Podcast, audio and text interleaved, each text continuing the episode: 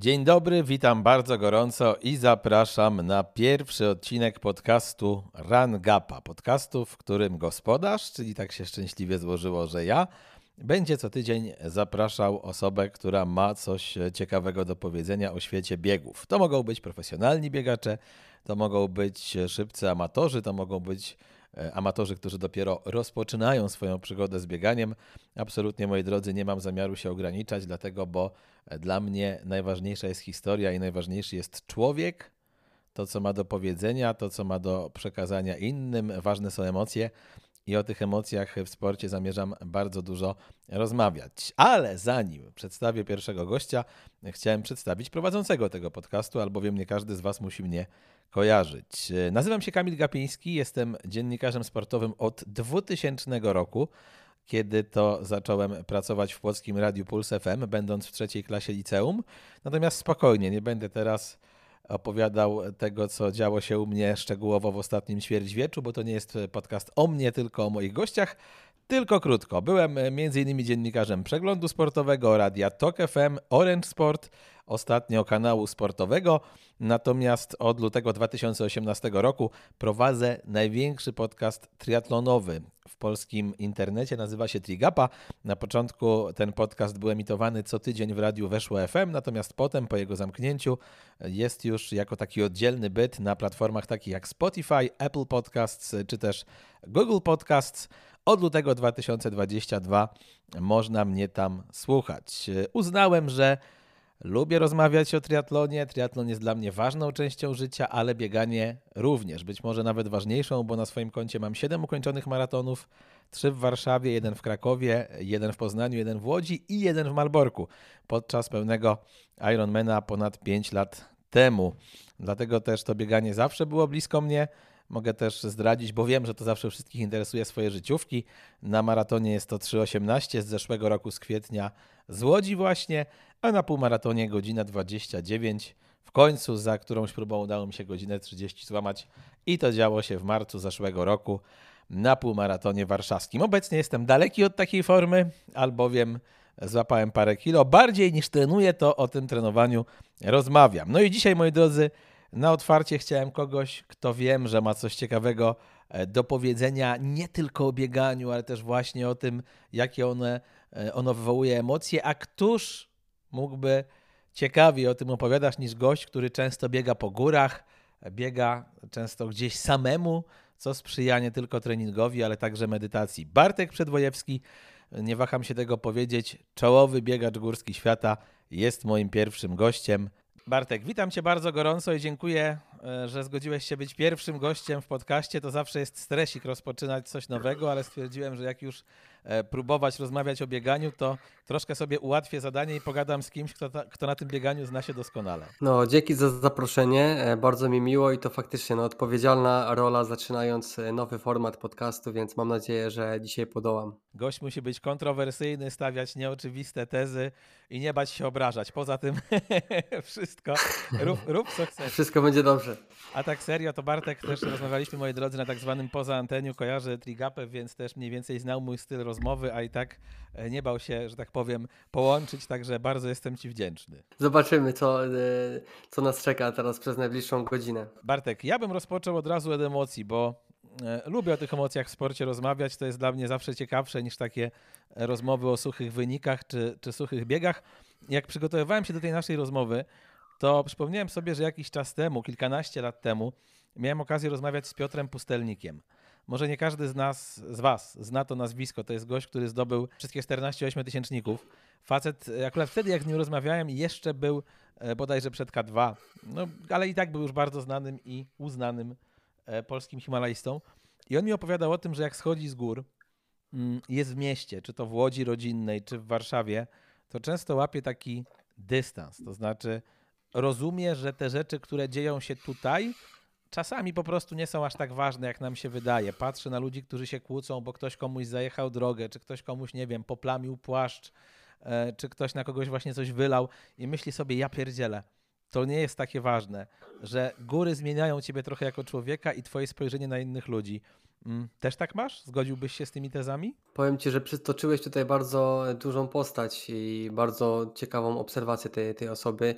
E, ja bardzo mocno śledziłem tutaj pana pustelnika i jestem pełen podziwu jego e, osiągnięć, bo wiem, co to są wysokie góry, ponieważ no, byłem w Nepalu, byłem też e, w Alpach i, i naprawdę jego osiągnięcia dopiero człowiek poznaje i wie, co to było w momencie, kiedy takie góry sobie zalicza. Ja, moja kariera biegowa jest dosyć długa, ponieważ ja zaczynałem od lekkiej atletyki, mm, od biegów ulicznych, później przeszedłem biegi górskie i w momencie, kiedy trenowałem tą lekką atletykę, nie, nie zauważałem takich, takich rzeczy, nie zwracałem też uwagi na, na to, jak to, ten sport odbija się na moje życie prywatne, osobiste. Raczej uważałem, że, że nie zmienia i po prostu jest jakąś dodaną częścią do tego, ale w momencie, kiedy e, zacząłem trenować biegi górskie, czyli więcej czasu spędzałem na wyjazdach, w górach, często samotnie, gdzieś tam kilkugodzinne treningi realizując e, w tych górach i faktycznie zacząłem zauważać, że, mm, że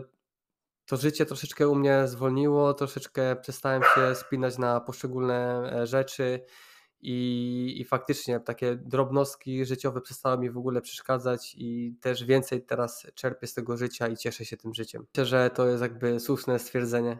Masz takie wrażenie, że właśnie góry mogą być trochę terapią dla tych zestresowanych dużym miastem i to góry zarówno właśnie w formie biegowej, jak i w formie takiej typowo powiedziałbym spacerowej. No wiadomo, że u Piotrka Pustelnika to nie typowo spacerowa, bo to już był hardcore, ale, ale że generalnie wyjście w góry po prostu w tych dzisiejszych e, szybkich i często popieprzonych czasach nam dobrze robi?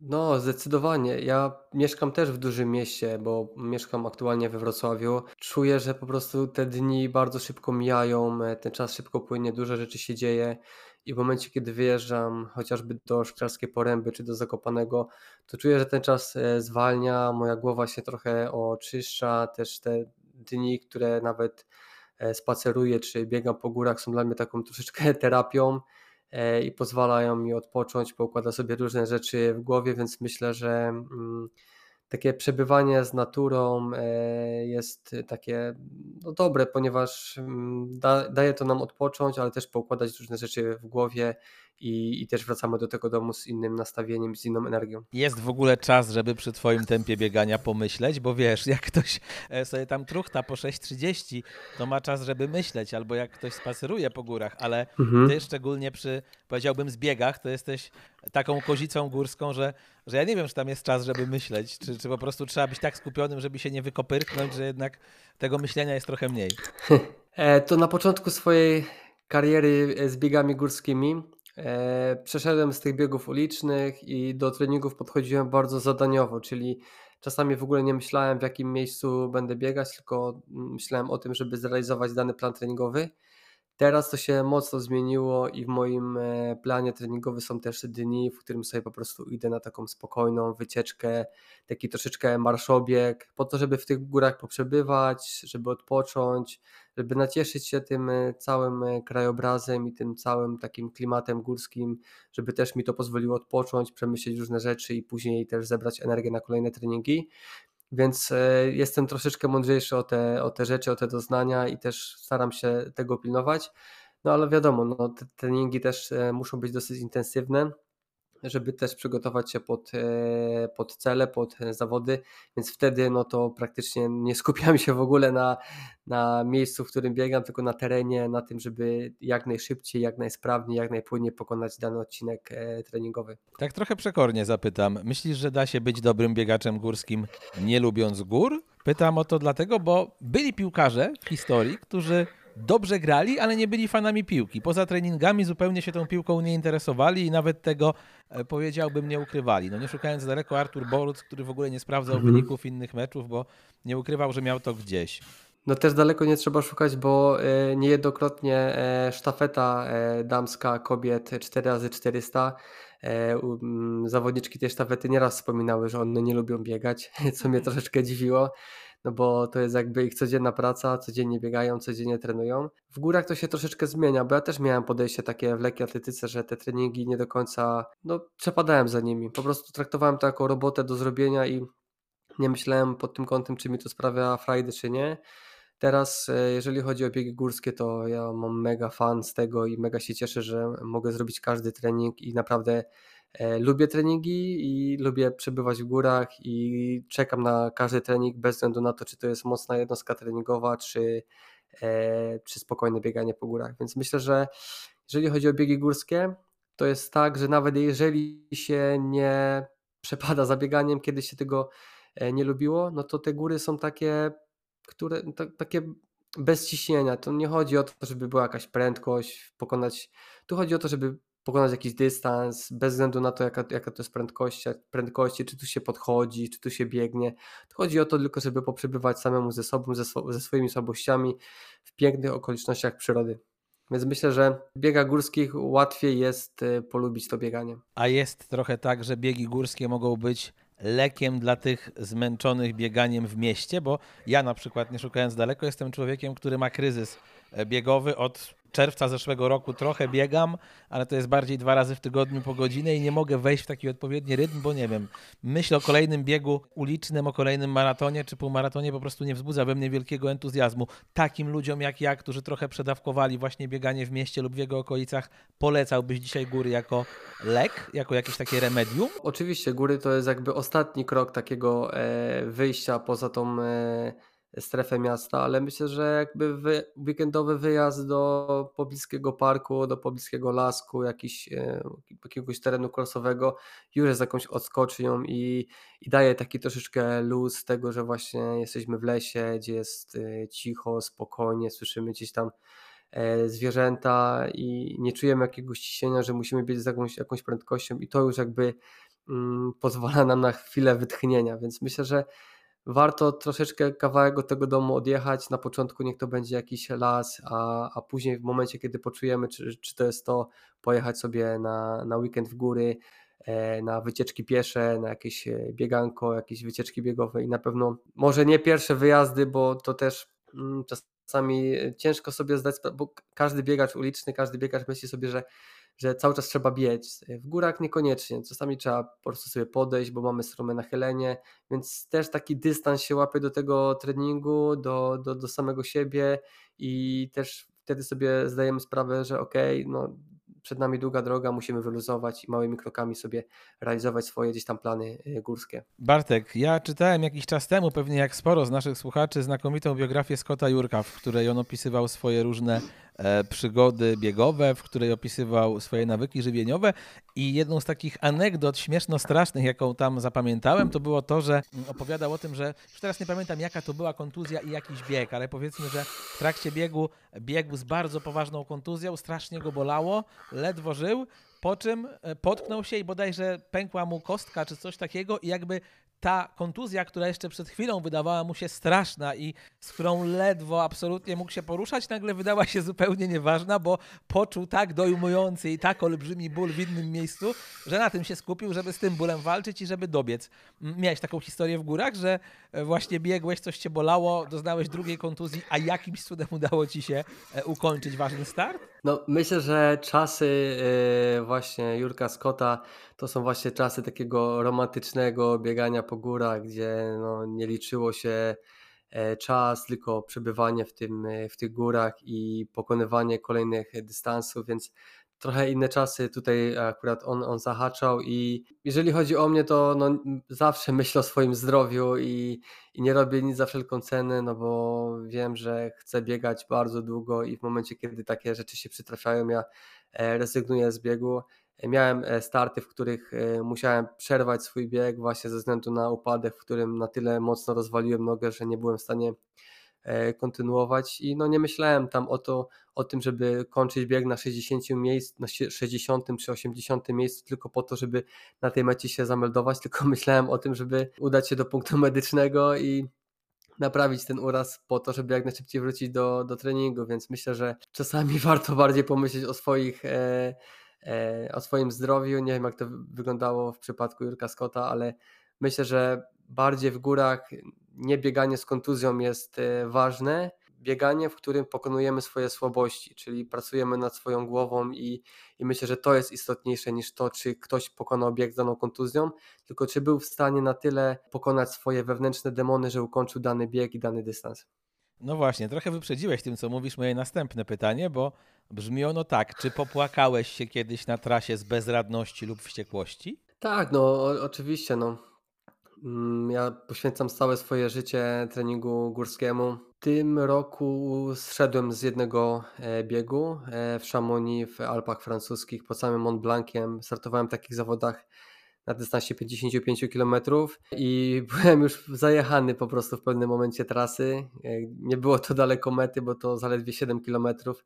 W perspektywie 55, jakich liczył dystans, 7 km do mety nie wydaje się daleko ale po prostu byłem już tak zniszczony i tak zmasakrowany, że, że po prostu usiadłem na kamieniu, popłakałem się, zadzwoniłem do swojej e, żony Patrycji, żeby po mnie przyjechała i, i na tym skończył się mój bieg. Nieczęsto mi się to zdarza, e, ale oczywiście no, są takie momenty, no, jak płacz z wygranego biegu, celu takiego życiowego, tak samo z, z porażki, która dotyka zawodnika, no to, to też jest na tyle emocjonujące, że, że emocje czasami właśnie poprzez łzy się ujawniają. Dajesz sobie przyzwolenie na takie chwile słabości, bo e, wiem, że ty pracujesz od pewnego czasu z trenerem mentalnym, no i zakładam, że taka osoba pewnie mówi Bartek, nic się nie stało, wyrzuć to z głowy e, i lecimy dalej, czy nie? Czy to wygląda inaczej? No, każdym emocjom trzeba dać upust, no, bo jak będziemy to w siebie, w sobie trzymać, no to e, ten proces właśnie przetwarzania tej porażki czy tego sukcesu, no, będzie się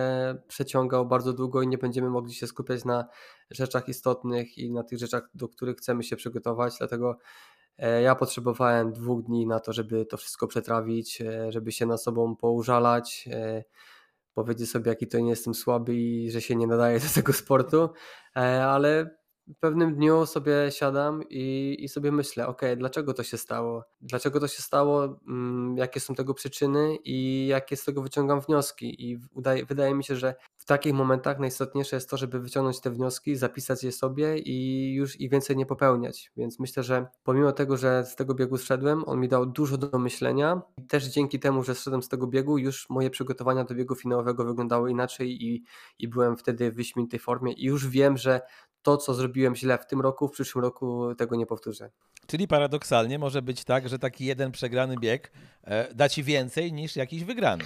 No, ja to czasami nazywam w taki sposób, że potrzebujemy takiego naprowadzacza, taki strzał po prostu z tyłu głowy, po to, żeby zatrzymać się w miejscu, pomyśleć, e, co się zrealizowało, co się zrobiło i po prostu poprawić swój schemat działań, przygotowań. Czasami człowiek w coś brnie, brnie, brnie, nie zdaje sobie sprawy, że to jest niepotrzebne, złe i jeżeli nie dostanie takiego strzała, to, to sobie po prostu te błędy powiela, więc w tym przypadku to, to było na plus. Oczywiście żałuję, że szedłem, bo chciałem wygrać te zawody, ale wiem, że mogę to zrobić w kolejnych latach, a przez to, że właśnie wiem, co zrobiłem źle, nie będę popełniać i powielać tych błędów. Bartek, zdarzyło Ci się w górach, że tak górnolotnie powiem, dotknąć absolutu, poczuć taki, wiesz, prawdziwy mistycyzm, coś, co ludzie wierzący nazwaliby jakimś kontaktem z Bogiem, a ludzie może niewierzący po prostu jakąś siłą wyższą, która gdzieś tam e, nad nimi była i to pytam, wiesz, zarówno być może wcale nie na zawodach, tylko na treningu, albo wcale nie na treningu, mhm. tylko podczas spaceru, ale czy miałeś coś takiego, że aż miałeś ochotę, nie wiem, krzyczeć z radości, takie endorfiny z ciebie buz buzowały? Zdarzały się takie, takie momenty, ja w, w, w takich e, sytuacjach to po prostu czuję się jakbym płynął po tych górach i, i po prostu frunął przez e, te tereny górskie i, i po prostu od, od, tak, od, można powiedzieć, odpływam, taką, wdaję się w taką medytację aktywną i mega fajnie się po takim bieganiu czuję, bo wiem, czego doświadczyłem i, i od czasu do czasu no, potrzebuję takiego troszeczkę odpłynięcia e, myślami, nie myśleć o, o niczym, co się dzieje dookoła, tylko po prostu biec i zanurzać się e, w tym, w tym takim klimacie górskim. Jesteś też trenerem, pracujesz z ludźmi, którzy biegają. E, masz takie poczucie, że biegi górskie potrafią człowieka trochę zmienić? E, no oczywiście, ja widzę duże zmiany w ludziach, z którymi współpracuję. Akurat e, pracuję z osobami, którymi już e, mam kontakt od 3-4 lat i z każdego roku widzę, jak te, te osoby się zmieniają, jakie, jak zmieniają podejście do treningu, jak zmieniają podejście do, do życia. Ja zawsze im to powtarzam, że dla mnie najlepszym sukcesem trenerskim to nie jest to, że ktoś z nich jakieś zawody wygrał czy osiągnął jakiś czas, tylko że oni jakby poczuli ten trening, poczuli, e, odkryli samych e, siebie i przełożyli to na swoje życie osobiste i zawodowe. Bartek, mówi się o tobie, że ty się nie boisz ryzyka a propos treningu, właśnie w treningu. Co najbardziej takiego szalonego zrobiłeś? Czy wykonałeś razem z twoim trenerem Andrzejem Orłowskim jakiś taki ruch, który był e, zagraniem wabank, a jednak się opłacił, choć kiedy, e, powiedziałbym, wprowadziliście tą ideę w życie, to nie byliście do końca przekonani, czy to jest dobry pomysł. No przede wszystkim ja zaczynając e, przygotowania do biegów górskich, to w ogóle nie było żadnego systemu treningowego. Nie, nie znalazłeś książki pod tytułem jak przebiec 10 km w górach, tak jak to jest teraz bardzo popularne odnośnie biegów e, ulicznych i musieliśmy sami jakiś taki schemat e, tworzyć, więc dużo eksperymentowaliśmy odnośnie treningu. Przez pierwszy rok robiliśmy treningi, które no, były dosyć intensywne i, i też patrzyliśmy, jak moje ciało reaguje. I po takich trzech latach, kiedy e, już uznaliśmy, że moje ciało jest już na tyle zaadoptowane do, do biegania po górach, e, moje mięśnie są do tego zaaklimatyzowane. Wtedy zaczęliśmy troszeczkę kombinować i, i, dużo takich ciekawych treningów e, realizowaliśmy. Myślę, że dużo takich hardkorowych treningów zrobiliśmy, które dużo nam przyniosły, ale też trochę je musiałem odchorowywać. No i myślę, że też było wiadomo kilka takich treningów, które E, zrobiłem, a, a później przyniosły to taką totalną klapę i, i myślę, że właśnie to, że dużo eksperymentowaliśmy, no to dużo błędów popełniliśmy, ale dużo się nauczyliśmy i dużo treningów też pokazało nam, e, co jest dobre w bieganiu po górach. Czyli można powiedzieć, że to było takie eksperymentowanie na żywym Twoim organizmie. No dokładnie, to było dokładnie, to jest mój szósty rok e, w biegach po, po górach i myślę, że mamy już na tyle zbadany e, trening górski, że ja teraz, nie wiem, no, jestem w okresie roztrenowania, jadę za tydzień do trenera i my nie będziemy my rozmawiać o tym, e, co spróbować w tym roku, co, czego jeszcze nie robiliśmy, tylko my jedziemy i rozmawiamy, ok, mamy 5 lat doświadczeń, które e, zrealizowaliśmy i które przetestowaliśmy, układamy to w taki schemat, że przynosi nam to sukces na każdy bieg. Najbardziej taki hardkorowy trening, jaki ci się kojarzy z górami, że dzisiaj go wspominasz i myślisz, o Boże, jak ja mogłem to zrobić, teraz już bym się na takie coś nie porwał. Masz coś takiego, czy niekoniecznie? Kurczę, trochę tego było. najbardziej hardkorowy, dla mnie najbardziej hardkorowe treningi to są takie sprawdziany takiego vertika, vertikala, czyli dla przykładu jest to e, bieg e, z Kuźnic w Zakopanym na Kasprowy Wierch, czyli mamy na jak najkrótszym dystansie 1000 metrów e, wspinaczki i to są treningi, które zawsze realizowaliśmy praktycznie w takim tempie startowym i to były najbardziej hardkorowe treningi, no bo tam po prostu do dna trzeba było z siebie wydusić wszystkie możliwości, więc no to, to wspominam najbardziej, najbardziej hardkorowe rzeczy oraz też często stosowaliśmy, stosujemy taki trening na dużych nachyleniach, czyli na przykład e, ja mieszkam we Wrocławiu, tutaj pod e, Wrocławiem mamy górę Ślęże, na której dużo trenuję i tam na przykład wybieram sobie taki stok były narciarski, który ma około 50% nachylenia przez 200 metrów i na przykład 20 razy robię podbieg przez około 2 minuty na tych 50%. Więc to jest takie nachylenie, że jakim tempem by się nie biegło, to po prostu po każdym e, powtórzeniu dobiegasz, padasz, czekasz aż ci po prostu krew dopłynie do mózgu i wracasz do kolejnego odcinka. Mówiłeś o tym twoim tempie startowym. Jakbyś trochę więcej opowiedział, bo nie każdy z tych y, naszych słuchaczy, którzy dzisiaj włączyli podcast, musi wiedzieć, jakie to są właśnie liczby, z jaką ty prędkością e, biegniesz. Ja oczywiście zakładam, że to zależy od długości e, biegu, od tego, czy biegniesz z góry, czy, e, czy na dół, czy względnie po prostu w górach, ale jakbyś trochę te tempa przybliżył, to będę wdzięczny. Jeżeli chodzi o te prędkości, które my pokonujemy w górach, to one są bardzo mocno zależne od tego, w jakim terenie biegamy. Mówię tutaj już nie o długości, tylko o techniczności trasy. E, no bo jeżeli na przykład mamy 10 km biegu pod górę, no to tutaj nie ma żadnej filozofii, tutaj każdy ciśnie e, ile fabryka dała. I później mamy 10 km z biegu, który jest e, trudny technicznie, no to my jesteśmy w stanie biec maksymalnie z prędkością 4 minuty na kilometr. Po prostu teren jest na tyle trudny, że nie da się tego szybciej pokonać, ale gdybyśmy mieli 10 km łatwego, szerokiego takiego trailu, drogi takiej standardowej jak w lesie, no to my jesteśmy to w stanie biec poniżej 3 minut na kilometr, więc E, takie średnie prędkości, które pokonujemy na zawodach są bardzo mocno zależne od tego, jaka jest techniczność danej trasy, więc no ona się zawsze gdzieś tam e, kręci od 4 do 5 minut na, na kilometr, więc to się wydaje, że to nie jest dużo, tylko e, przy tych dystansach pokonujemy zazwyczaj około 2 do 3 tysięcy metrów nad poziomem morza, więc no to już jest sporo. Można sobie to wyobrazić w taki sposób, że trzy razy w nie wiem, na 30 km trzeba wbiec na Kasprowy Wierch i z niego zbiec. Jeżeli chodzi o płaskie prędkości, tak jak biegacze górscy pokonują, no to większość zawodników z czołówki biega dystans 10 km w przedziale 29 do 31 minut na 10 km. Więc no to są prędkości, które zawodnicy górscy osiągają i to też jakby pokazuje, że nie tylko pod górę, ale też potrafią kręcić po, po płaskim. Ty w tym roku zmiana kodu na trójkę z przodu, czy nie? Tak, ja tą granicę w tym roku właśnie przekroczyłem. Do, już bliżej mi do 31 niż do 30. Ja o to pytam, moi drodzy, bo u mnie z kolei zmiana kodu na czwórkę z przodu niestety i to dokładnie za e, miesiąc o, kilka dni. No właśnie, 12 grudnia i to mnie nie cieszy, ale nie o tym. E, ja jestem ciekaw, jakbyś trochę powiedział, jaki jest taki najlepszy wiek właśnie biegacza e, górskiego. No bo każdy sport ma do, do siebie, że jest ten taki prime, kiedy się utarło, że zawodnik może osiągać najlepsze rezultaty. Zakładam, że pewnie to jeszcze jest przed tobą. Zdecydowanie. No, patrząc na mm, wiek zawodników, którzy rywalizują, no to wydaje mi się, że taki najlepszy okres do właśnie biegania po górach, do tych dystansów takich do 50 km to jest wiek od 28 do 35 roku życia. Więc to jest ten, e, ten przedział.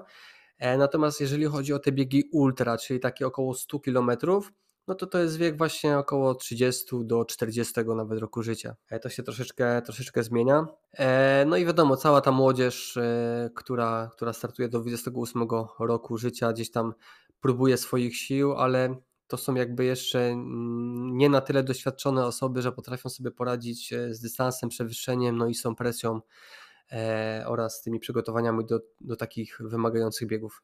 Czyli w biegach górskich raczej w tym momencie nie ma sytuacji skolarstwa, gdzie e, kiedyś utarło się, że ten e, powiedziałbym pik możliwości osiąga się koło 30 albo po 30, a potem przyszli młodzi zdolni w ostatnich latach i rozbili te teorie w pył, e, wygrywając duże wyścigi mając 20 parę lat. Wiesz co, na chwilę obecną nie obserwujemy, żeby mm, była taka tendencja w biegach górskich. Może to nastąpi.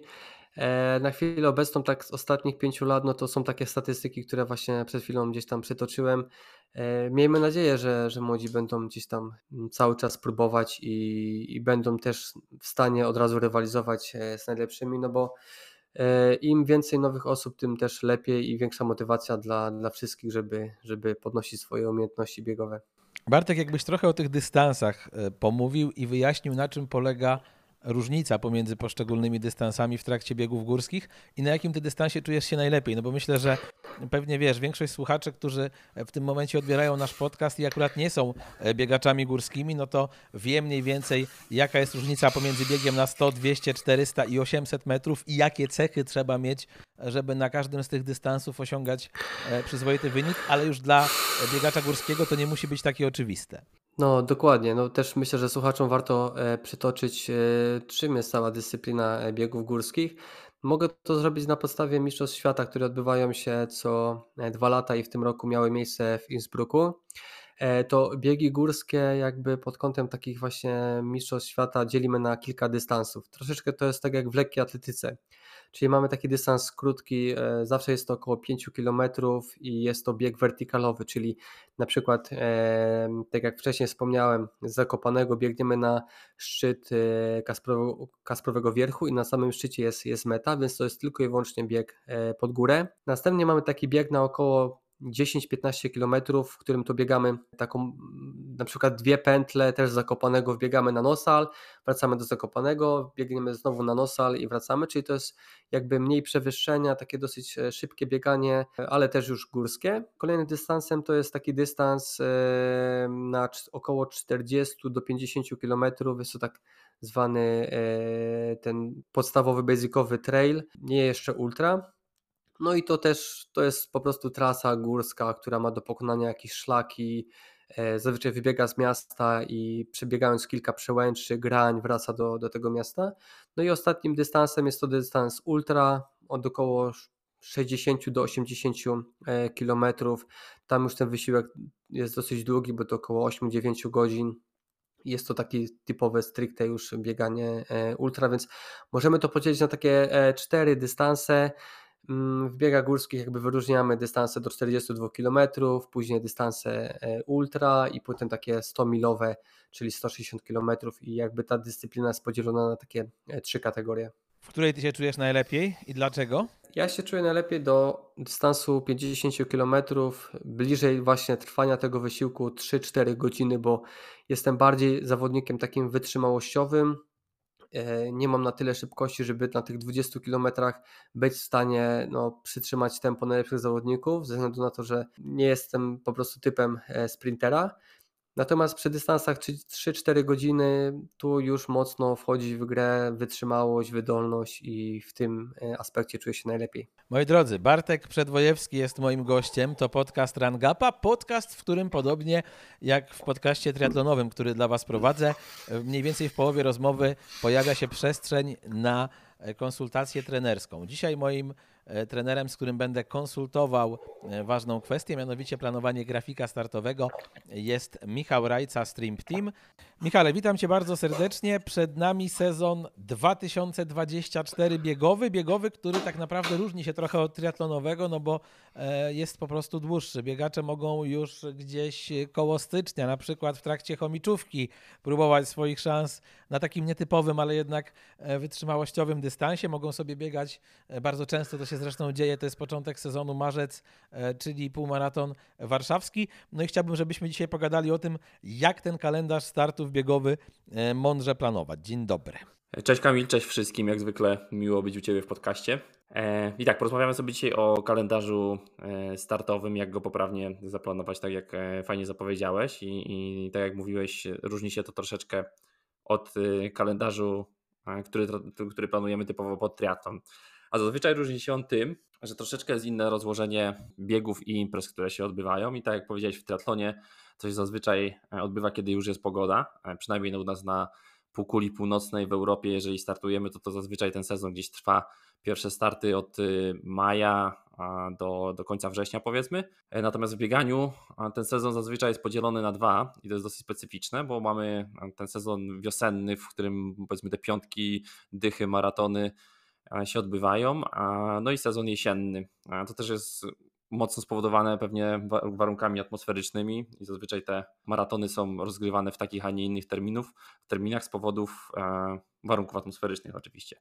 Natomiast tutaj nie możemy się zamykać tylko, e, bo tutaj mówimy e, o ulicy i bieganiu, biegach typowo ulicznych, sezon górski znowu jest znowu inny i, i on tak naprawdę te imprezy biegowe w górach odbywają się przez cały rok. Ich największa kumulacja pewnie e, to też jest taki okres czerwca, lipca i później gdzieś tam koniec sierpnia e, i wrzesień. Więc y, tak, no, mamy w tym momencie ten popularny okres roztrenowania i tak, y, tak naprawdę wszyscy ślepo idziemy, że powinniśmy mieć teraz roztrenowanie i, i tak moje otwarte pytanie jest, czy rzeczywiście to jest dobry okres i dla kogo to jest dobry okres? O panie, tutaj mi zabiłeś ćwieka, ja ci nie odpowiem, ja jestem na roztrenowaniu już 16 miesiąc, więc wiesz, i niestety coś nie widać końca, mogę sobie wyjść e, na dwór i chwilę pobiegać, ale mam z takim regularnym treningiem problemy, natomiast już tak mówiąc serio, dla mnie zawsze ten e, przełom mm, września, października, może nawet nie tak od połowy października do początku listopada, to był najlepszy moment na rozpoczęcie treningów. Zawsze bardzo lubiłem ten czas, kiedy jeszcze e, w lesie, na przykład kabackim, było pięknie, złote liście i to był taki fajny moment, żeby ruszyć dupkę po tych trzech, czterech tygodniach przerwy. No właśnie i jeżeli zaczynamy w październiku, e, to teraz pytanie, do czego się szykujemy i jak ten nasz, powiedzmy, cały makrocykl, czyli ten kalendarz na najbliższe przynajmniej pół czy tam e, cały rok będzie wyglądał, jakie są nasze cele. I tak naprawdę e, ustalanie treningów i to, kiedy powinni, powinniśmy według e, konceptów treningowych wracać do, do, do, treningów, zależy od tego, kiedy mamy ten docelowy start i, i, i ten cały makrocykl powinien być zdecydowanie układany od tyłu, czyli tak naprawdę najpierw bierzemy sobie datę, kiedy takie wydarzenie ma się zadziać, gdzie chcielibyśmy wystartować I od tego tak naprawdę układamy cały, cały, cały trening i cały koncept. A w tym momencie e, to jest, to jest myślę dobry okres, żeby o tym porozmawiać, bo tak naprawdę bardzo dużo imprez się otwiera, są zapisy e, i tak sobie można głośno i samemu e, pomyśleć, gdzie byśmy chcieli pobiegać, w jakiej imprezie chcielibyśmy wystartować. Tak, żeby ten kalendarz cały miał, miał sens. Są imprezy, na które trzeba się zapisywać i mieć gdzieś tam szczęście, żeby, żeby zostać wylosowanym. Inne są bardziej dostępne. E, no i to ułożenie właśnie tego całego kalendarza i tych e, startów pod to, żeby ta jedna impreza, której chcemy wystartować, wypaliła jak najlepiej, to, to jest dosyć, dosyć duża sztuka. Tak się zastanawiam, jakie błędy najczęściej popełniają biegacze, ci powiedzmy początkujący i średnio zaawansowani. Ja nie mówię o biegaczach, którzy e, zasuwają powiedzmy maraton w 2,50 czy 2,45, bo tam już jest ten poziom profesjonalizacji duży. Ja mówię raczej o takich ludziach, dla których to jest hobby, którzy ciężko trenują, ale e, no, to doświadczenie nie jest jakieś olbrzymie. Czy to jest po prostu klasyczne zaplanowanie zbyt dużej liczby startów i takie, powiedziałbym, bycie napalonym jak szczerbaty na suchary na to, żeby rozpocząć sezon z wysokiego C i dalej jeszcze tylko podkręcać? Czy te błędy, które tobie się e, gdzieś pojawiają w pracy z zawodnikami jednak są inne? Tutaj nie, nie bierz tego personalnie, ale pierwszy błąd, który, e, który się pojawia, to jest zazwyczaj e, dokładnie to, o czym powiedziałeś, czyli e, jest ten październik i gdzieś tam sobie myślimy, a już to jest fajny okres, żeby zacząć trenować.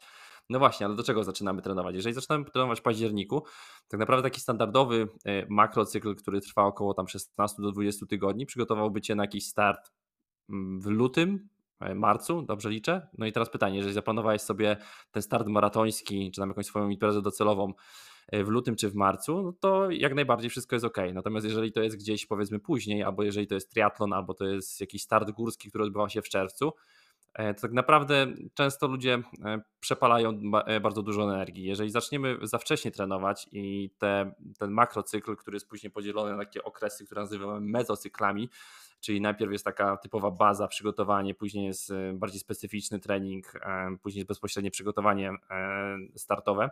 Jeżeli za wcześnie te fazy wszystkie zaczniemy wprowadzać, to okaże się, że ten mm, cykl twój po prostu trwa za długo i, i, i bardzo się w nim męczysz i tak naprawdę ta forma przyjdzie dużo za wcześnie i najczęściej tak jest, że ta forma przychodzi dużo za wcześnie. To jest pierwszy błąd. E, druga najczęstsza rzecz, która się zdarza, to jest to, że piłujemy do samego końca, czyli taki typowy mm, mikrocykl sam przed, przed zawodami, który polega na, e, na taperingu tak zwanym, e, czyli odpuszczenie treningów.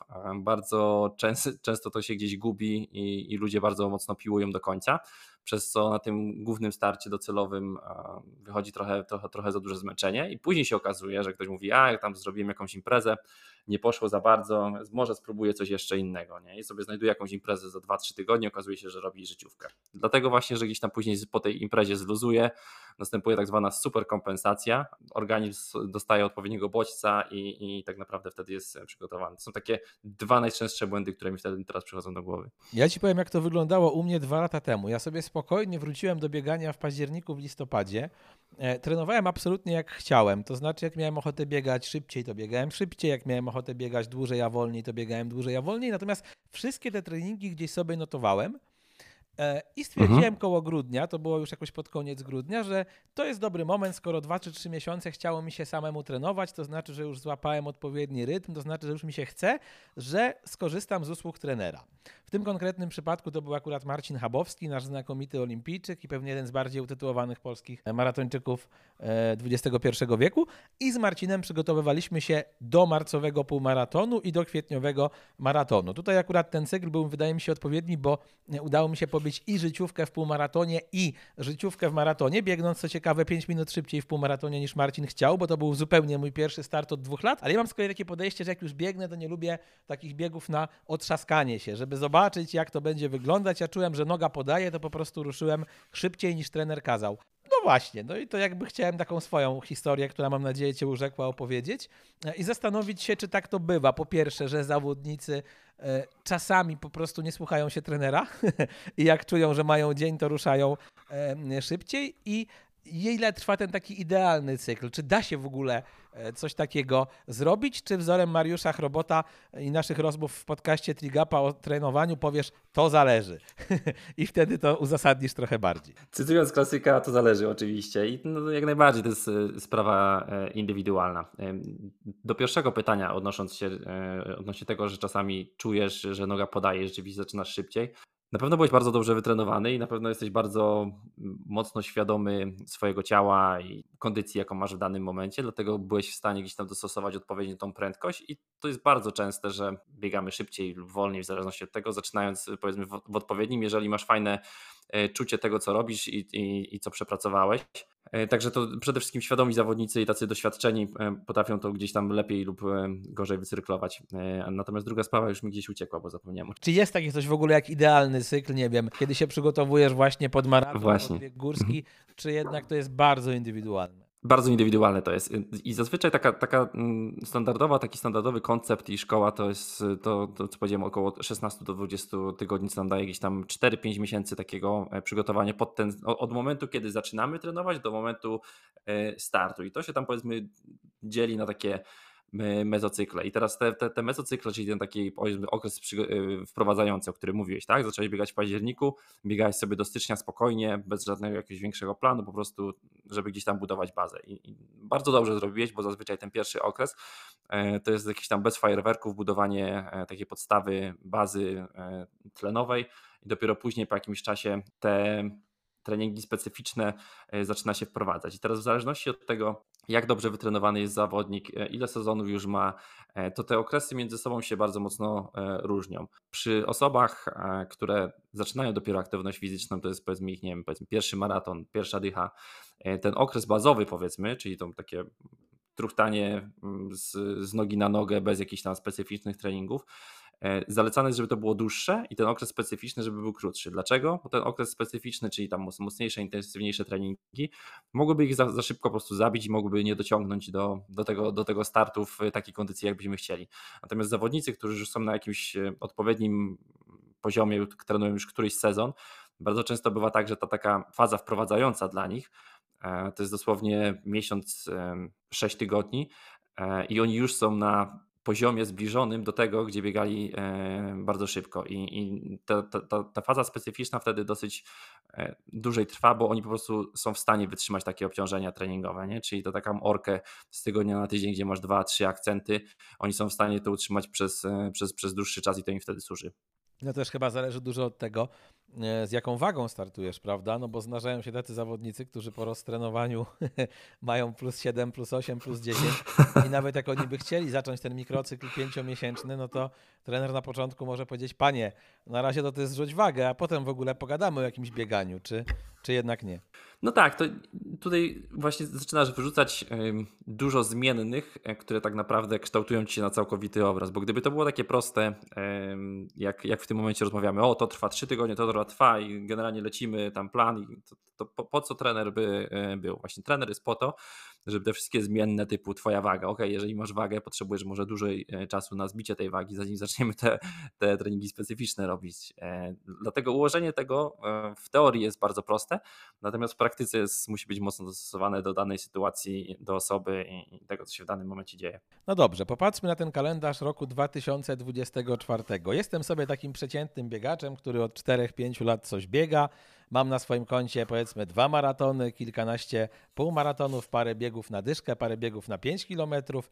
Być może zastanawiam się nad spróbowaniem swoich sił w górach, ale nie jestem tego pewien, ale mam kumpla, który biegał w tych górach i mówi, że jest fajnie. E, to co pan trener by mi poradził? Jak mądrze ten kalendarz na 2024 rok, będąc takim gościem, zaplanować? No to w, pierwszy, w pierwszej kolejności zapytałbym Ciebie, Panie Kamilu, co by Pan chciał przebiec jakąś epicką imprezę? Oczywiście doradzając przy okazji, bo jest takich kilka i kiedy. I to i w tym momencie zależy. Jeżeli to jest powiedzmy środek wakacji, to pracowalibyśmy inaczej. Jeżeli to jest maj, e, kwiecień, to też pracowalibyśmy inaczej. E, I też w innym okresie byśmy rozpoczynali powiedzmy te odpowiednie e, fazy. Natomiast sorry, bo zgubiłem koncept tego, tego o co dokładnie pytałeś. E, przebiegłeś dwa maratony, dyszka, piątka i tym podobne rzeczy. Chciałbyś zacząć biegać w górach, tak? Nie, zastanawiam się. Ja oczywiście kłamię, bo to nie są moje liczby, tylko jestem teraz takim panem X-em. Myślę, że może góry, mhm. a może bym też pobiegł na maraton. No jestem takim gościem, który coś już biegał, przychodzi do ciebie i do końca nie mhm. wie, czego chce. No, wie, żeby chciał pobiegać, ale nie wie dokładnie gdzie i ile. To jak właśnie trener sobie z takimi, z takimi gościami musi radzić. Ale to, to, są, to są najlepsze przypadki e, właśnie, bo w ten sposób osoby się rozwijają. One coś chcą i można im, im podpowiedzieć.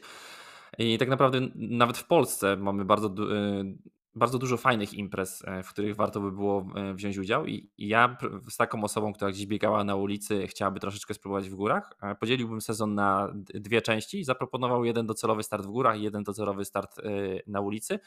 E, i pod te dwa biegi ułożylibyśmy odpowiednie e, makrocykle. Jeden z nich e, dobrze by było, żeby się odbywał na jesień, drugi na, przepraszam, pierwszy by się odbywał na wiosnę, drugi by się odbywał na jesień. I to w takiej koncepcji bardzo standardowej by było bardzo powiedzmy proste do, do, do osiągnięcia. I teraz moglibyśmy nawet przeplatać te, te rzeczy, czyli przygotowanie do startu górskiego oczywiście wymagałoby bardziej specyficznego treningu e, w górach i specyficznych jednostek, to do, które, które się odbywa na ulicy byłoby bardziej powiedzmy skrojone pod ulicę, natomiast jak najbardziej to by było do pogodzenia. Dobrze, a jak mamy takiego typowego, że tak powiem, ulicznika, czyli gościa, który lubi dziesiątki, półmaratony, mhm. maratony i chce planować kolejny sezon, E, ile tych biegów może zaplanować, żeby nie przegiąć pałki? To znaczy, zakładam, że pewnie powiesz e, jeden maraton wiosną i jeden maraton jesienią, ale chodzi mi o te biegi obok, czyli właśnie połówki, dziesiątki, piątki, bo e, ja mam wrażenie, że znam paru ludzi, którzy przegięli. To znaczy, mieli fajną frajdę z biegania, przygotowywali się do tych dwóch docelowych maratonów właśnie wiosną i jesienią, ale wokół tego tyle sobie wrzucili jakichś city trailów, jakichś dyszek, jakichś półmaratonów, że po prostu się tymi pobocznymi imprezami zapierdzielili. Standardowy i bardzo częsty przypadek to, to o czym mówisz.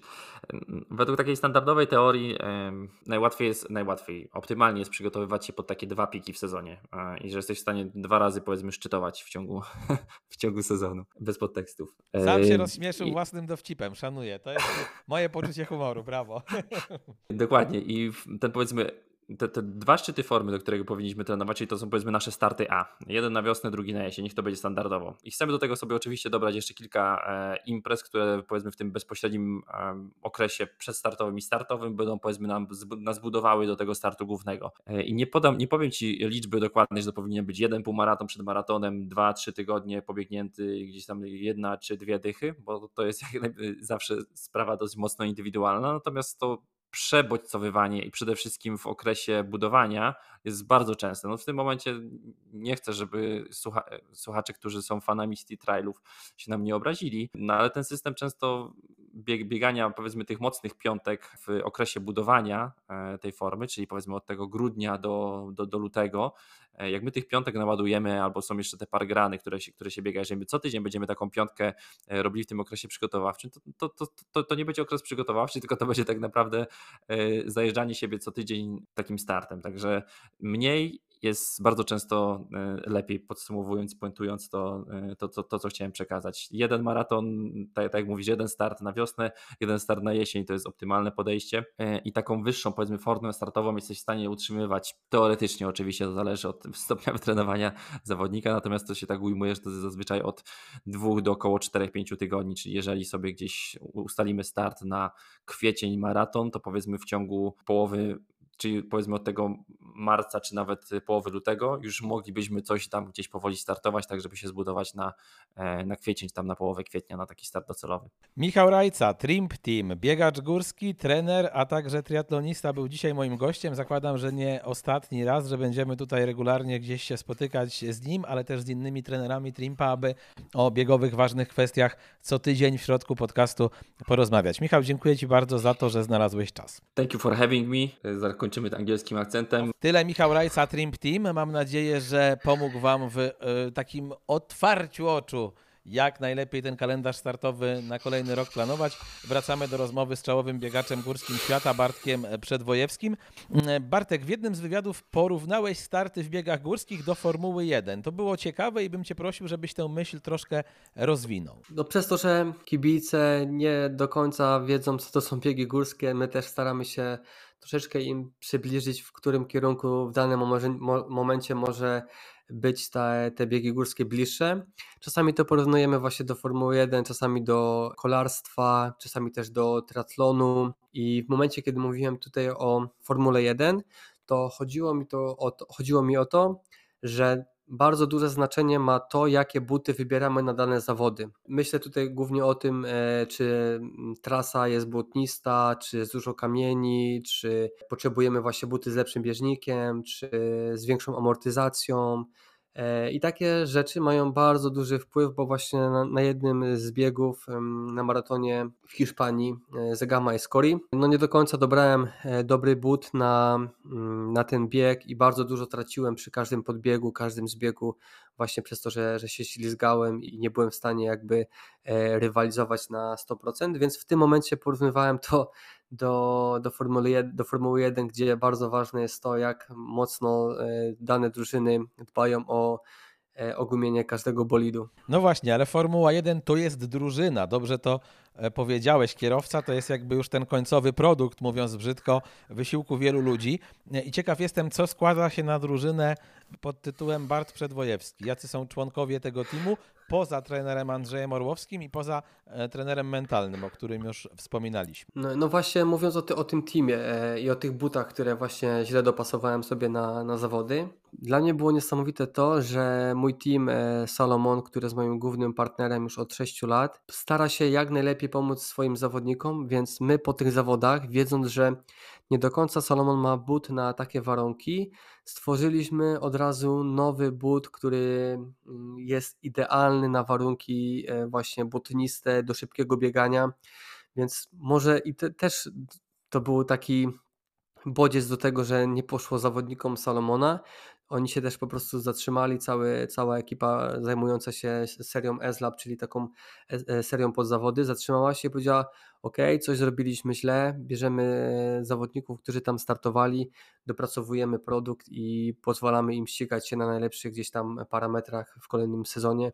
Więc e, cieszy mnie to, że no, nasze teamy właśnie biegowe dbają o nas nie tylko i wyłącznie o gdzieś tam przygotowanie nasze finansowe, czyli opłacenie naszego kontraktu, tylko też po to, żebyśmy mieli jak najlepszy sprzęt do ścigania, żebyśmy mogli mieć jak najlepsze osiągi. Więc trochę tak jak w Formule 1, bo, bo my też te produkty czasami robimy specjalnie dedykowane dla siebie po to, żebyśmy mogli jak najlepiej się ścigać, bo jeszcze tutaj dodam, że biegi górskie to nie tylko i wyłącznie przygotowanie fizyczne, ale też przygotowanie logistyczne, no bo ja biegnąc 4 e, godziny na dystansie 42 km, pokonując 3000 metrów, 3000 e, metrów przewyższenia, muszę podczas tego biegu jeść, pić, e, pilnować, mieć ze sobą wyposażenie obowiązkowe, więc muszę tak wszystko dobrze mieć ze sobą zabrane, żeby mi to nie przeszkadzało, pomagało i, i pozwalało mi rywalizować. Zakładam, że podobnie jak w Formule 1 czy w triatlonie, także w biegach górskich nie da się na wszystko przygotować. To znaczy właśnie, możesz mieć odpowiedni strój, możesz mieć przynajmniej tak ci się wydaje odpowiednie buty, możesz mieć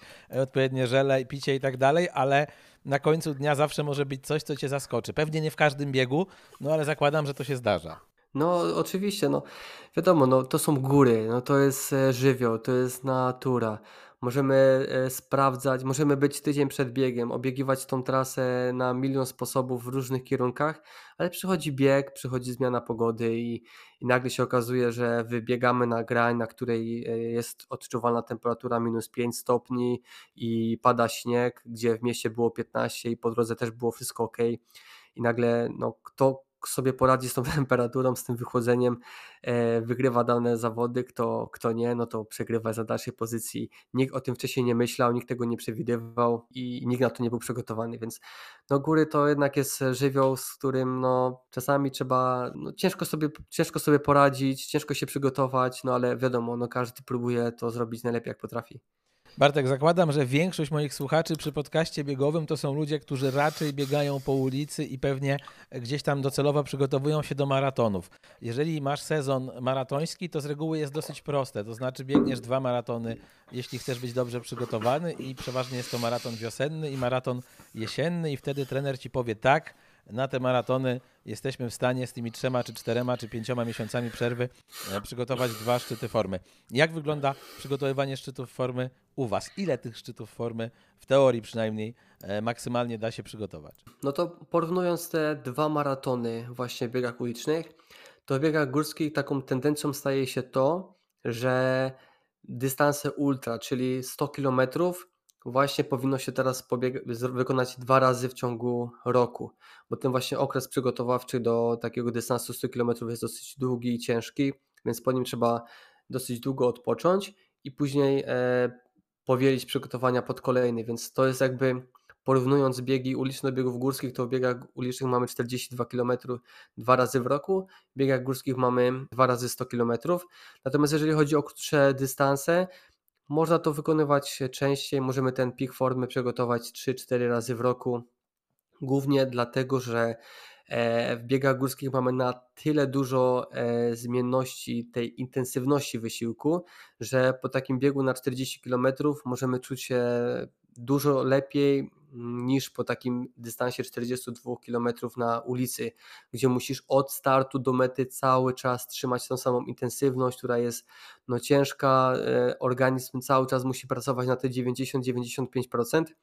Natomiast w górach mamy tak, że mamy dystans też 42 km, ale mamy podbiegi, gdzie mamy jakby no tą wyższą intensywność, gdzie musimy popracować, ale później mamy zbieg, na którym możemy się trochę rozluźnić, tętno nam spada, E, możemy trochę odpocząć, złapać trochę oddechu i, i, ten, e, i wrócić do tej intensywności później na kolejnych podbiegach. Więc to jest jakby bardzo dużą różnicą, co rozróżnia właśnie biegi górskie od biegów ulicznych, to jest to, że mamy tą, ta intensywność tego biegu cały czas się zmienia, czyli nie pracujemy cały czas na przykład na 190 tętnie od startu do mety, tylko tak sobie falujemy. 170, 150, 180, 120, 190, e, w zależności od tych e, terenów, które mamy przed, przed sobą. Więc no to jest na tyle duża różnica. To pozwala też przygotować tą formę na 3-4 takie starty w sezonie do dystansu 50 km. Mm, jak powinna według Ciebie wyglądać idealna relacja na linii trener-zawodnik w biegach górskich i czy taką relację przez te lata z trenerem Andrzejem Orłowskim udało Ci się osiągnąć? Ja uważam, że to najważniejsza nie tylko przy współpracy z trenerem, ale wszędzie, no, w rodzinie, w pracy, w jakichś biznesach, no to jest komunikacja. I to jest coś, co, na czym my opieramy naszą współpracę, czyli komunikujemy się przy naszym treningu. Ja mówię otwarcie trenerowi, gdy mi się nie podoba plan treningowy, który mi wysłał.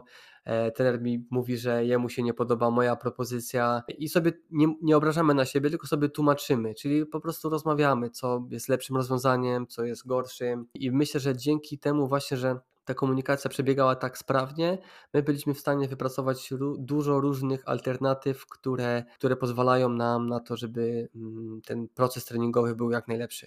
Oczywiście jesteśmy ludźmi, popełniamy błędy, czasami gdy ta komunikacja troszeczkę utykała, to te błędy się najbardziej pojawiały, no bo ja się trochę w sobie zamykałem, nie tyle informacji przekazywałem trenerowi, których powinienem. I wtedy trochę szliśmy w tym takim złym kierunku, więc no to jest trudne przez cały rok mm, pilnować tych, tej takiej właśnie perfekcyjnej komunikacji, która pozwala nam budować mm, najlepszy trening na, na świecie, no bo jesteśmy też ludźmi, przychodzi zmęczenie, czasami kopiemy jakiegoś doła, czasami mamy na tyle dużo euforii, że po prostu realizujemy trening na 100%.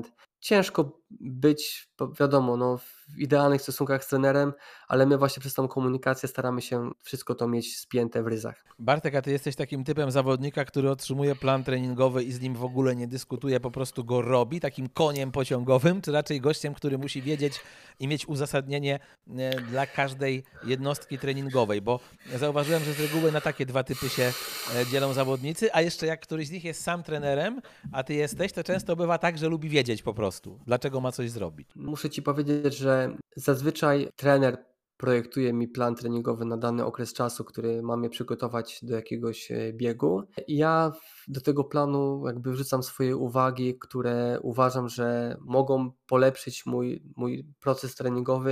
Ja jestem dosyć świadomym zawodnikiem, świadomym trenerem i nie jestem takim typowym właśnie żołnierzem jak e, Marcin e, Lewandowski, który wykonywał wszystkie polecenia treningowe. No biegi górskie no to jest no dosyć ciężki trening i w większości czasu muszę też się słuchać e, swojego organizmu, więc jeżeli mam coś wpisane w trening, a czuję, że nie jestem w stanie tego, tego zrobić, no to po prostu mówię trenerowi i to modyfikujemy, no bo ten trening jest porównywany do treningu triathlonowego, gdzie wykonujemy wysiłki od 20 do 25 godzin tygodniowo, więc e, no na tyle dobrze czuję swój organizm, czuję siebie, że często ten plan właśnie jest zmodyfikowany przez to, że ja czuję, że powinniśmy iść w jednym kierunku, mówię o tym trenerowi, on mówi ok, dobra, to troszeczkę przemodelujemy program treningowy po to, żeby e, pójść w, w kierunku, w którym ty uważasz, że też jest, jest dobre. Czyli jesteśmy bardziej partnerami, przy tworzeniu planu treningowego niż takimi e, żołnierzem, który realizuje polecenia trenera. Fajnie, że wspomniałeś o triatlonie, bo jeżeli tutaj mówimy o takiej dużej liczbie godzin,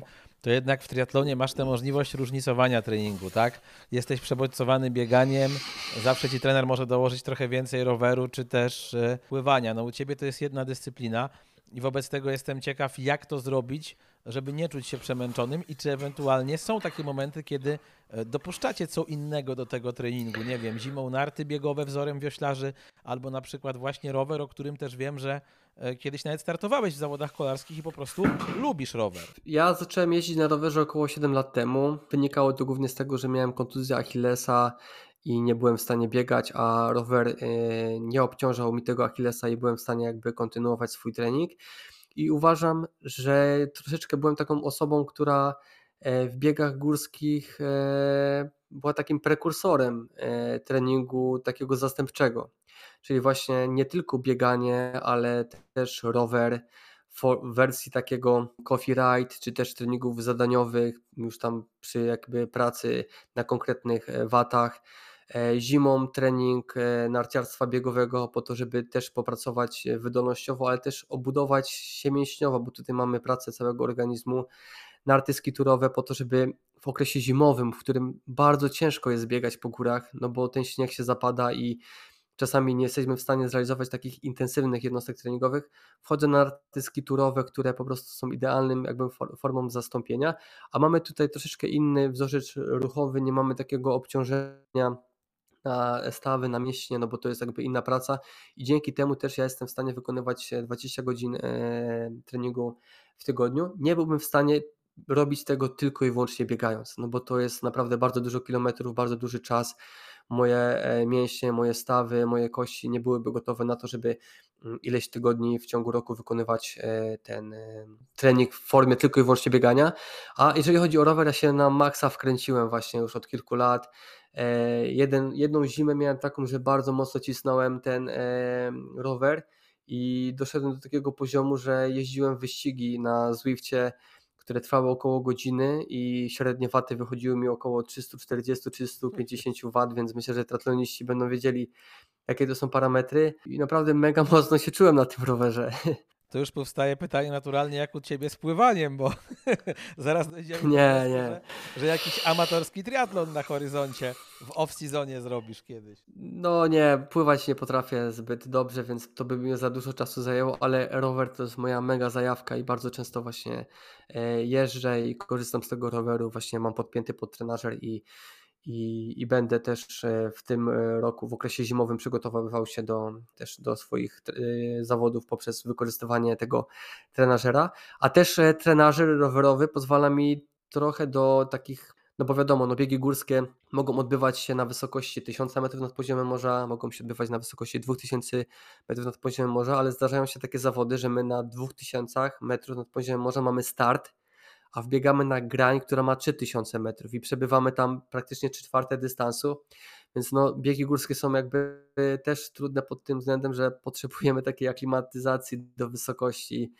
i to jest jakby kolejne zagadnienie w biegach górskich, które jest dosyć mocno skomplikowane i które jest naprawdę bardzo takim, y, taką bolączką biegaczy górskich, którzy mieszkają na nizinach. Tak, czytam Twoje CV i zastanawiam się, dlaczego ja dzisiaj nie rozmawiam z następcą naszego wspaniałego medalisty olimpijskiego Bronisława Malinowskiego. Mówię o tym dlatego, bo możecie nie wiedzieć, Bartek się specjalizował jako lekkoatleta na traku w biegu na 3000 metrów z przeszkodami.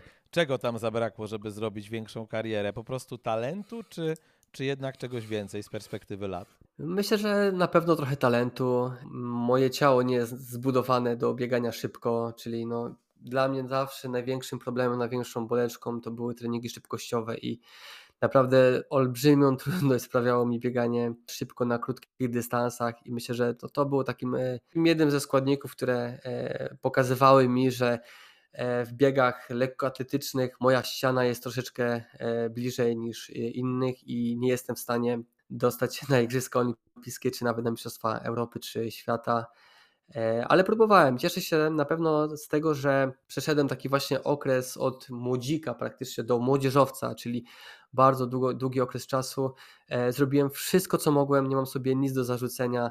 E, zdobyłem kilka medali Mistrzostw Polski, nigdy złotego, były, było ich, najwięcej było srebrnych. Zamknąłem ten temat, i, i, cieszę się, że mogę się rozwijać w, w, kolejnych. Nie był Bartkiem Przedwojewskim, który biega w górach. A powiedz mi, czy Bartek Przedwojewski, lekkoatleta, który, który się przeobrażał w Bartka Przedwojewskiego wchodzącego w góry, to był Bartek Przedwojewski bardziej ciekawy tego, co z tego wyjdzie, czy zestresowany, czy mu się w nowym środowisku uda? Powiem Ci tak, że ja w, w, momencie, kiedy trenowałem biegi, właśnie trenowałem lekką atletykę, miałem takie epizody, że startowałem w biegach górskich w kategorii junior, junior młodszy i w tych startach też brali udział zawodnicy, którzy też trenowali lekką atletykę, ale biegali dużo szybciej ode mnie. Dla przykładu w kategorii gdzieś tam młodzika e, ja kręciłem się około 3 minut na kilometr. Najlepsi na, na, w Polsce to było około 2,40, nawet poniżej ja miałem okazję z tymi zawodnikami, którzy biegali 2,40, ja biegałem 3 minuty, spotykać się na biegach górskich, e, na jakichś tam po prostu mistrzostwach Polski, czy jakichś tam mistrzostwach makroregionu. Ja z tymi zawodnikami wygrywałem, więc e, no ja byłem świadomy tego, że może nie do końca jestem takim szybkim zawodnikiem, ale mam predyspozycję w kierunku biegania po górach. I tak z roku na rok gdzieś tam się w tym utwierdzałem poprzez te właśnie takie starty na Mistrzostwach Świata, gdzie w 2011 roku e, podczas Mistrzostw e, Świata w Albanii, w Tiranie zająłem indywidualnie szóste miejsce i myślę, że to był dla mnie taki wtedy sygnał, że to jest e, coś, co będę robić po lekkiej atletyce i byłem przekonany, że że to osiągnę i wierzyłem w to mocno i widziałem siebie właśnie jako Bartka Przedwojewskiego, który jest w elicie biegów górskich i, i robiłem wszystko, co mogłem, żeby to osiągnąć. A biegając na Twoim poziomie dzisiaj i będąc w takim teamie, w jakim Ty jesteś, da się z tego dobrze żyć? Na chwilę obecną tak. Moi sponsorzy, którzy mnie wspierają i pomagają mi właśnie w tych przygotowaniach, pozwalają mi na, na życie i przygotowywanie się tylko do biegów górskich, ale to dopiero nastąpiło, nie wiem, rok temu czy dwa lata temu.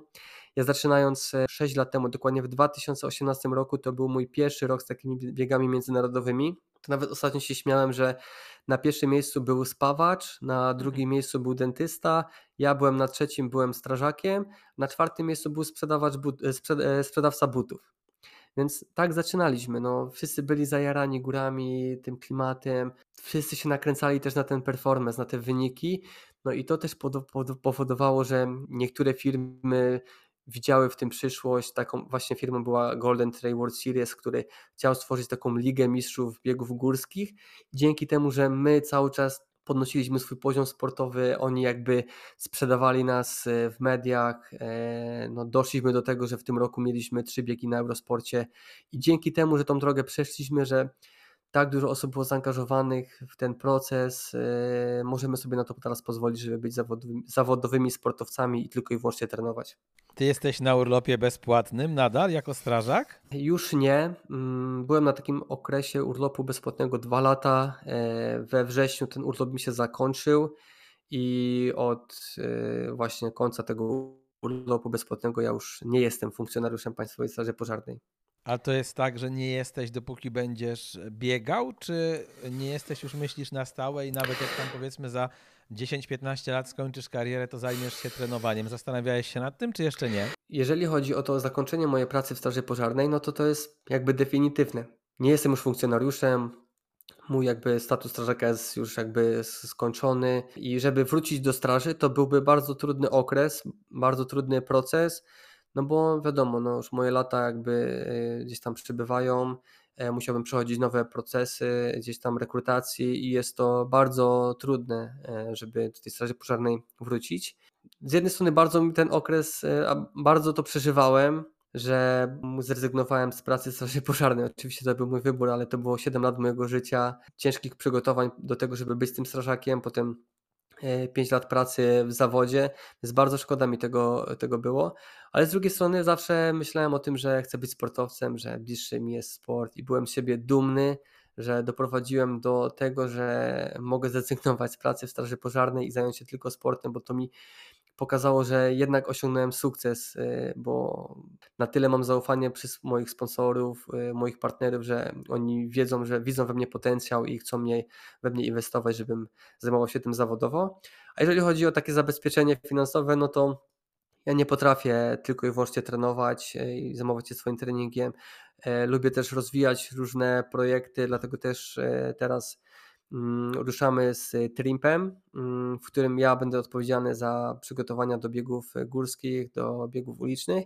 Dla mnie to jest taki mega nowy, fajny projekt, no bo to też uczy mnie współpracy z innymi ludźmi, no bo to jest projekt, który tworzymy z kilkoma trenerami, trenerami triatlonu, kolarstwa, biegania ulicznego, biegów górskich, więc e, duży projekt przyszłościowy, w którym chcemy po prostu dać ludziom możliwość przygotowania się do każdego dystansu takiego endurance'owego e, właśnie z nami, na naszym doświadczeniu, na naszych szkoleniach, więc e, myślę, że cały czas będę szedł w tym kierunku sportowym, no bo to jest coś, co kocham, w czym się dobrze czuję. Widzę, że ludzie chcą ze mną współpracować, ja chcę ich, pomóc w swoim rozwoju i właśnie też ten nowy projekt e, jest po to, żeby też szkolić innych trenerów, po to, żeby oni byli w stanie przekazywać swoją naszą wiedzę innym też podopiecznym. Myślę, że to jest bardzo fajna koncepcja. Już niezależnie od tego, że Trip Team jest moim partnerem podcastu, to muszę powiedzieć, że ta wiedza, jaką ma Mariusz, czy właśnie Michał Rajca, to zresztą słyszeliście, to jest naprawdę rozległa, szeroka wiedza i warto tych ludzi słuchać, warto z nimi rozmawiać rozmawiać, warto się od nich uczyć. Fajne jest też to, że jest to taka, jak wspomniałeś, szeroka dawka kompetencji trenerskiej i w sumie każdy, kto chce uprawiać jakiś sport wytrzymałościowy, e, znajdzie u Was coś dla siebie. E, ciekaw jestem, czego Cię te lata w służbie nauczyły, no bo e, właśnie służba to jest słowo klucz, prawda? Jak ktoś służy ludziom, no strażacy służą ludziom często w bardzo skrajnych, bardzo ciężkich sytuacjach, przyjeżdżają jako pierwsi na miejsca tragicznych wypadków i domyślam się, że musiałeś mieć takie dni w pracy, które były po prostu cholernie ciężkie. Przede wszystkim ja pracowałem e, w dużej jednostce we Wrocławiu, e, której obszar działań obejmował również autostradę A4, praktycznie ścisłe centrum też miasta, więc mm, przez te 5 lat no, wydarzyło się bardzo dużo rzeczy i dobrych, i złych. Mm, każde z tych rzeczy miało na mnie wpływ. Do tej pory pamiętam takie no, dosyć tragiczne rzeczy, których myślę, że już nigdy ze swojej głowy nie, nie wyrzucę, ale w tej pracy najbardziej uwielbiałem to, że no, pomagaliśmy ludziom i mogliśmy zrobić e, najlepiej, co mogliśmy, żeby, żeby uratować ich, e, nie wiem, no, mienie, życie. Wiadomo, no nie zawsze się to udawało, no bo no, takie jest życie, taki jest los, ale no to ta praca naprawdę mm, przynosiła mi dużo, dużo satysfakcji i bardzo mnie też rozwinęła jako, jako człowieka. E, no ale była cholernie ciężka, naprawdę. To była ciężka fizyczna praca, służba praktycznie e, we Wrocławiu. No i na Twoim poziomie z tym bieganiem nie do pogodzenia mi się wydaje, prawda? Tak na dłuższą metę.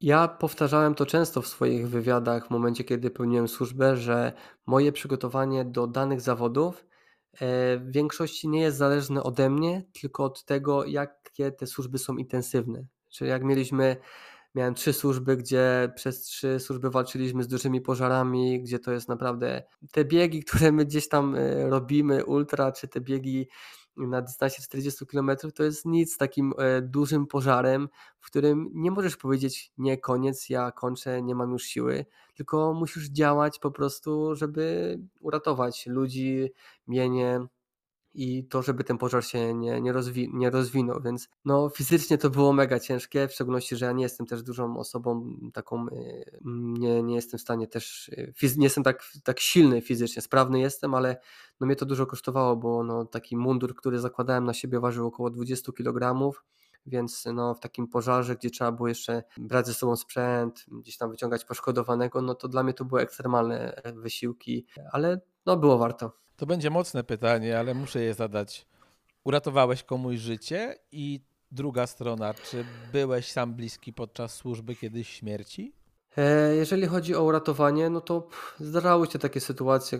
Najczęściej to były sytuacje z zatruciem tlenka, tlenku węgla, czy też przy pożarze, czy też przy kąpiel, kąpielach i no, osoby, które ratowaliśmy, miały naprawdę olbrzymie szczęście, że przyjechaliśmy na czas. Też przy niektórych wypadkach, gdzie udało nam się sprawnie wyciągnąć daną osobę z pojazdu, no to też dużo naszej pomocy, ale też dużo szczęścia, że udało nam się przyjechać i, i sprawnie tą osobę usunąć z tego pojazdu, więc no, zdarzały się takie rzeczy.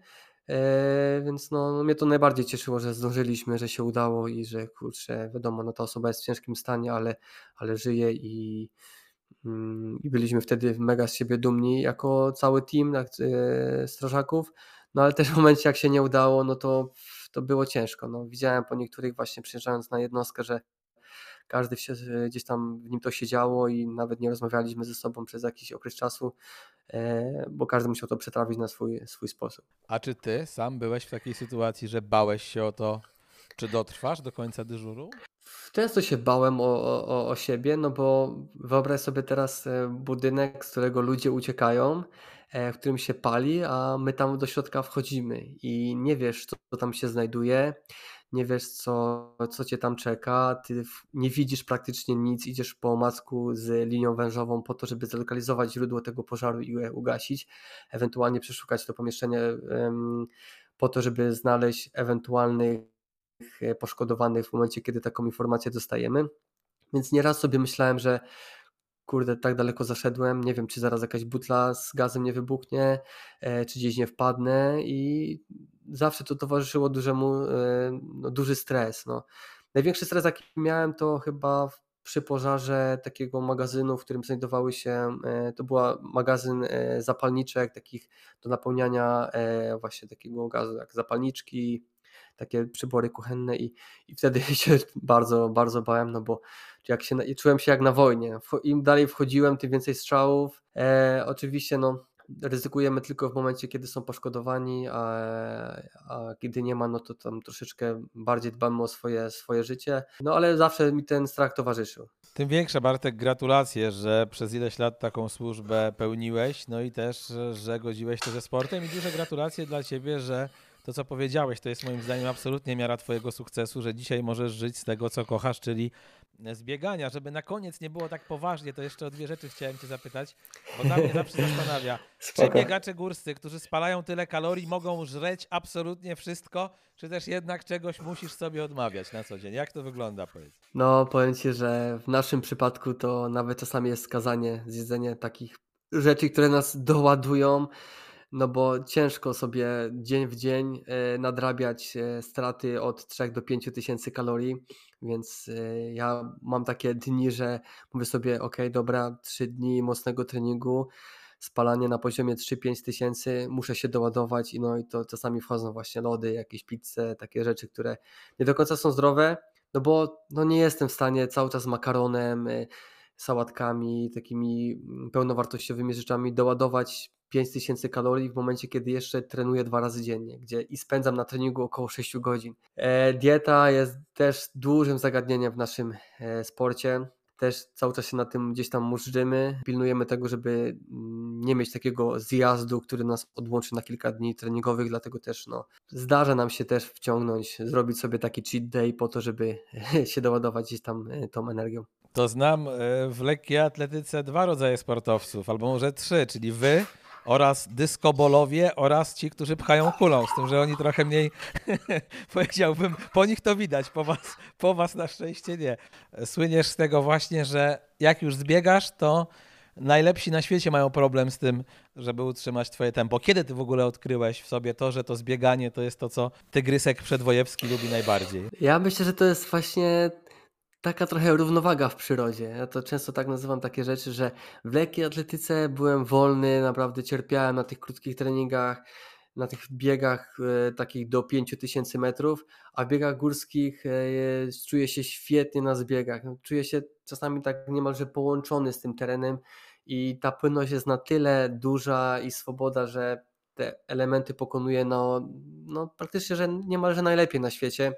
Jest kilka osób, z którymi mogę rywalizować. Myślę, że to też trening, no, trening siłowy, stabilizacja, dużo takiej kontroli, czucia swojego ciała, która pozwoli mi później w takim trudnym e, terenie trochę się rozluźnić po to, żeby te parametry tętna spadły, ale dalej ta prędkość e, przemieszczania się była zachowana. Fajny facet, facet, który sporo w życiu przeszedł i w pracy, i w trakcie zawodów, i facet, który mimo zmiany kodu na trójkę z przodu ciągle, jak słyszycie, czuje się młody duchem, no bo jest w sumie młody, przed którym mam nadzieję jak najwięcej świetnych biegowych startów. Bartek, dziękuję Ci bardzo za to, że byłeś moim premierowym gościem w Rangapie. Dzięki, również bardzo dziękuję za rozmowę i, i wszystkich triatlonistów, osoby, które nie wiedzą nic o biegach górskich, zapraszam na swoje sociale, gdzie pokazuję jak wygląda świat biegów górskich oraz ich trenowanie oraz ta natura, która nas e, otacza. Absolutnie tak. Ja też, moi drodzy, zapraszam. E, Instagram Gapek34. E, Jest też możliwość śledzenia, nowa taka rzecz, ale już idę za trendami, czyli WhatsApp, mój kanał na WhatsAppie, Kamil Gapiński. Tam też będę śledził, będę mówił o nowych rzeczach, które wpadają, czy w Trigapie, czy w Rangapie, także polecam bardzo serdecznie.